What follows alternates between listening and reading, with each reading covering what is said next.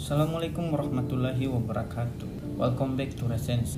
Islam merupakan agama yang memuat nilai-nilai moral adiluhung yang cinta damai. Sementara Islamisme merupakan gerakan politik yang diagamaisasikan. Islamisme tidak lain daripada gerakan politik yang mengatasnamakan agama. Politik identitas berbasis fundamentalisme agama ini merupakan musuh ciptaan baru bagi kapitalisme Amerika setelah komunisme runtuh di Uni Soviet pada tahun 1989. Bukan hanya fundamentalisme Islam, di belahan dunia lain juga sementara berkembang dan memicu friksi suatu fundamentalisme Buddha di Myanmar, fundamentalisme Hindu di India, dan Kristen di Barat. Meskipun yang disebutkan pertama merupakan fundamentalisme yang paling simultan belakangan ini, terdapat enam isu dasar yang menjadi pilar bagi Islamisme, yaitu tatanan politik, antisemitisme, demokrasi institusional, jihadisme, syariatisasi, kemurnian atas sekularisasi. Di akhir, Basam Tibi sebagai penulis buku menambahkan pula pembahasan tentang totalitarianisme Islamis dan Islam sipil sebagai suatu alternatif atas Islamisme. Islamisme adalah ideologi politik dari negara Islam dan khilafah global ini merupakan tujuan dari Islamisme. Sekularisasi Westphalia tahun 1648 merupakan antitesa dari gerakan Islamisme. Itulah mengapa mereka melakukan pemberontakan baru bernama desekularisasi, suatu upaya pencarian tatanan politik ilahi. Islamisme bukanlah globalisasi dalam pengertian ide-ide universal yang ditransformasikan ke seantero negara di dunia, melainkan suatu ide-ide partikular yang coba dipaksakan keberlakuannya ke seluruh dunia atau setidaknya ke dunia Islam. Nizam al-Islami atau pemerintahan Islam merupakan buah pemikiran Sayyid Qutb, Hasan al-Banna, dan Islamis lainnya yang sebenarnya baru bergema pada tahun 1928 setelah bubarnya Tuki Ottoman yang kemudian memberikan keleluasaan dan kekuasaan bagi Inggris dan Prancis untuk membagi-bagi daerah Timur Tengah. Sejak Holocaust, antisemitisme telah menjadi perhatian besar kalangan humanitarian di seluruh budaya dan peradaban. Islamisme melabeli dirinya dengan Islam yang terkepung semacam antisemitisme baru pandangan yang mengkritik mereka kemudian mereka lebih sebagai Islamophobia yang sebenarnya mengadopsi Yudeophobia dan antisemitisme. Gagasan antisemitisme dalam Islam merupakan salah satu dari buah pemikiran Said Kutub dalam bukunya yang berjudul Ma'rakutuna Ma'al al-Yahud, pertarungan kita dengan kaum Yahudi. Kaum Yahudi disebutnya kaum yang berusaha menguasai dunia dikarenakan tabrakan kepentingan politik yang juga diagamaisasikan, maka pertarungan dengan kaum Yahudi merupakan pertarungan kosmik. Antisemitisme merupakan warisan Eropa, tepatnya Jerman, yang dibawa-bawa Islamisme ke Timur Tengah. Tidak heran jika citra Islam terkepung diasosiasikan kepada koalisi pengepung antara Yahudi dengan tentara salib sebagai kaki tangannya. Terdapat tiga kelompok yang dengan jelas menentang tesis tentang Islamisme dari TB ini. Pertama, kalangan pengambil kebijakan barat serta tenaga ahli dan akademisinya. Mereka percaya bahwa ada kalangan Islamis moderat yang pro demokrasi. Padahal itu hanyalah taktik dari Islamis institusional yang menggunakan demokrasi kotak suara untuk mengambil kekuasaan dan menerapkan nizam al-Islam. Pemanfaatan demokrasi prosedur demokrasi merupakan pembeda antara Islamis institusional dan Islamis radikal yang masih menggunakan cara-cara kekerasan. Namun tujuan para Islamis tersebut tetaplah sama, tatanan politik Islam versi mereka. Kedua, kalangan barat yang mengidap Islamophobia yang memukul rata antara Islam sebagai agama moral dengan Islamisme yang merupakan gerakan politik yang diagamaisasikan. Baginya, Islam adalah agama pedang, teroris, dan jahiliyah. Sementara pandangan ketiga tentunya datang dari kalangan Islamis sendiri yang tentu saja menolak tuduhan pakar tentang gerakan politiknya yang mengatasnamakan agama. Menurutnya, segala perilakunya merupakan manifestasi Islam sejati. Mengenai Islamis institusional, lihatlah Ikhwanul Muslimin di Mesir atau AKP di Turki yang menurut dusa besar Amerika untuk Turki yang berhasil dibocorkan oleh WikiLeaks adalah upaya Islamisasi merayap dari Erdogan dan AKP. Jika memang kalangan Islamis institusional menerima secara tulus demokrasi, pertanyaannya kemudian, apakah ia dapat mengamalkan demokrasi secara substansif, yaitu pluralisme, hak asasi manusia, distribusi kekuasaan, dan keadilan sosial, dan bukan terbatas pada demokrasi yang berujung pada pemilihan di kotak suara.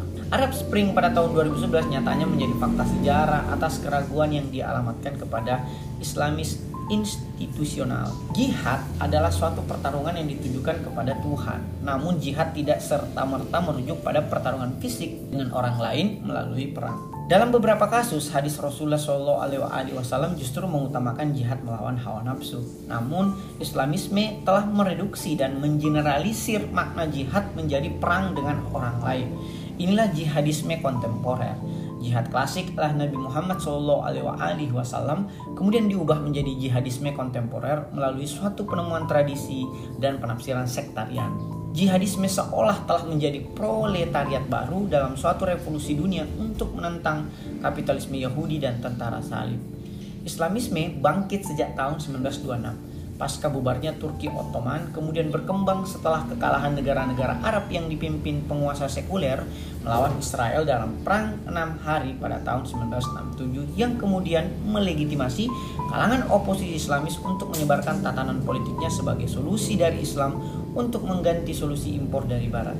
Puncaknya, Islamis menjadi ancaman besar bukan sekedar kriminalitas geng setelah tragedi 11 September 2001 yang membuat Presiden Bush meneriakkan perang melawan terorisme Islam baik barat maupun Islamis melupakan satu hal bahwa peradaban tidaklah bertarung dalam perang apalagi perang irreguler yang diprakarsai oleh aktor non-negara namun para tentara dan prajurit jihadis tetap saja melakoninya.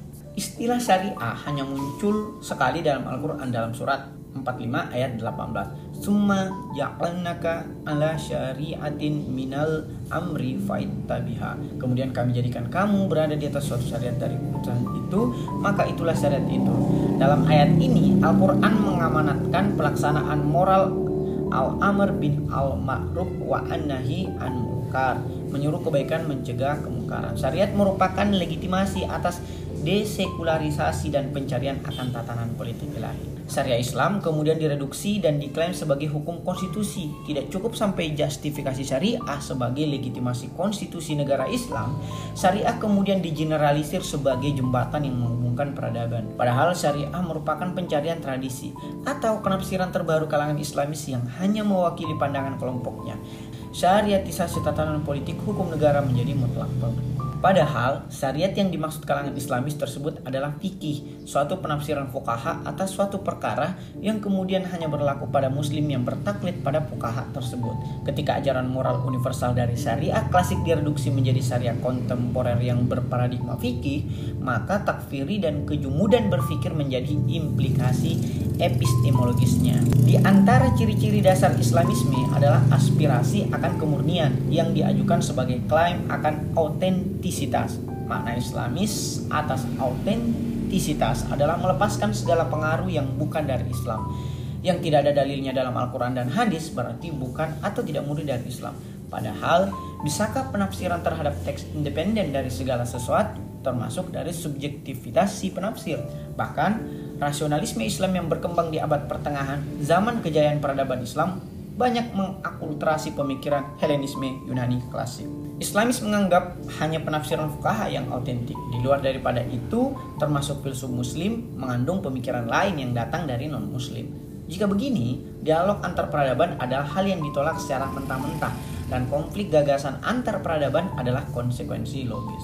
Padahal tidak ada peradaban besar yang lahir tanpa akulturasi dengan kebudayaan lainnya yang kemudian menghasilkan peradaban tersendiri.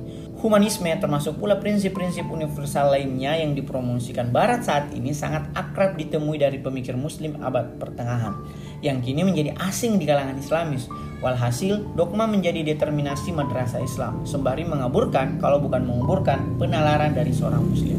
Islamisme adalah agama politik. Islamisme disebabkan oleh krisis peradaban yang dialami negara-negara berpenduduk mayoritas Islam di pelbagai belahan dunia. Mandeknya pembangunan, baik ekonomi maupun politik, menjadi asal-usul bagi bangkitnya gerakan fundamentalisme, baik sekuler maupun keagamaan. Totalitarianisme, kata Hannah Arendt, berasal dari kegagalan pembangunan dan demokratisasi yang akhirnya membawa kelompok fundamentalisme menuju tampuk kekuasaan. Sayangnya, perebutan kekuasaan tersebut hanya mengantarkan masyarakat dari rezim gagal yang satu ke rezim gagal yang lainnya. Islamisme, tetapi bukan Islam, adalah suatu totalitarianisme baru.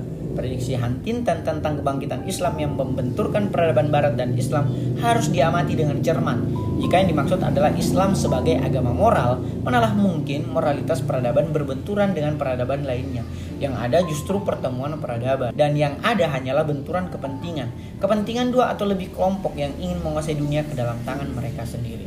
Berakhirnya sejarah seperti yang diprediksi Fukuyama pas keambruknya komunisme Soviet dan menyisakan kapitalisme sebagai satu-satunya pilihan masih jauh dari realita. Karena yang ada justru kembalinya yang suci ke dalam perpolitikan global. Walaupun yang suci yang dimaksud tidak lain adalah gerakan politik yang diagamaisasikan. Bahwa Islamisme berasal dari politisasi agama. Mereka terbagi antara Islamis institusional yang bermain dalam demokrasi kotak suara dan Islamis radikal yang masih menggunakan cara-cara kekerasan. Meskipun strategi mereka berbeda, namun kedua varian Islamis tersebut memiliki tujuan yang sama, nizam al-Islam. Keduanya pun merupakan fundamentalisme Islam yang juga merupakan bagian dari fundamentalisme agama yang tengah bangkit dalam satu abad terakhir sebagai respon terhadap krisis peradaban dunia, khususnya di dunia ketiga. Apa pun itu, seluruh fundamentalisme agama termasuk Islamisme adalah gerakan politik yang mengatasnamakan agama. Islamisme dengan Islam adalah dua konsep yang berbeda, namun subjek yang menjalankannya sama-sama kaum muslim. Dialog sesama manusia, apalagi sesama muslim harus terus ditingkatkan demi peradaban manusia dan Islam Islam itu sendiri. Modernitas budaya harus disambut sejauh tidak mencederai substansi berislam. Penolakan Islamis terhadap modernitas merupakan suatu kemenduaan karena di sisi lain mereka memanfaatkan modernitas teknologi sebagai alat untuk mencapai tujuan mereka. Memanfaatkan teknologi modern sembari menolak nilai yang mendasarinya hanya akan berujung pada kejumudan berpikir dan berkarya dari umat muslim. Sudah saatnya kita menawarkan Islam sipil atau Islam madani atau Islam yang beradab yang oleh Tibi rujuk kepada Islam yang ada di Indonesia pasca Soeharto sebagai salah satu alternatif bagi Islamisme yang tengah mengancam umat Islam dan dunia pada umumnya umumnya. Ada pertanyaan?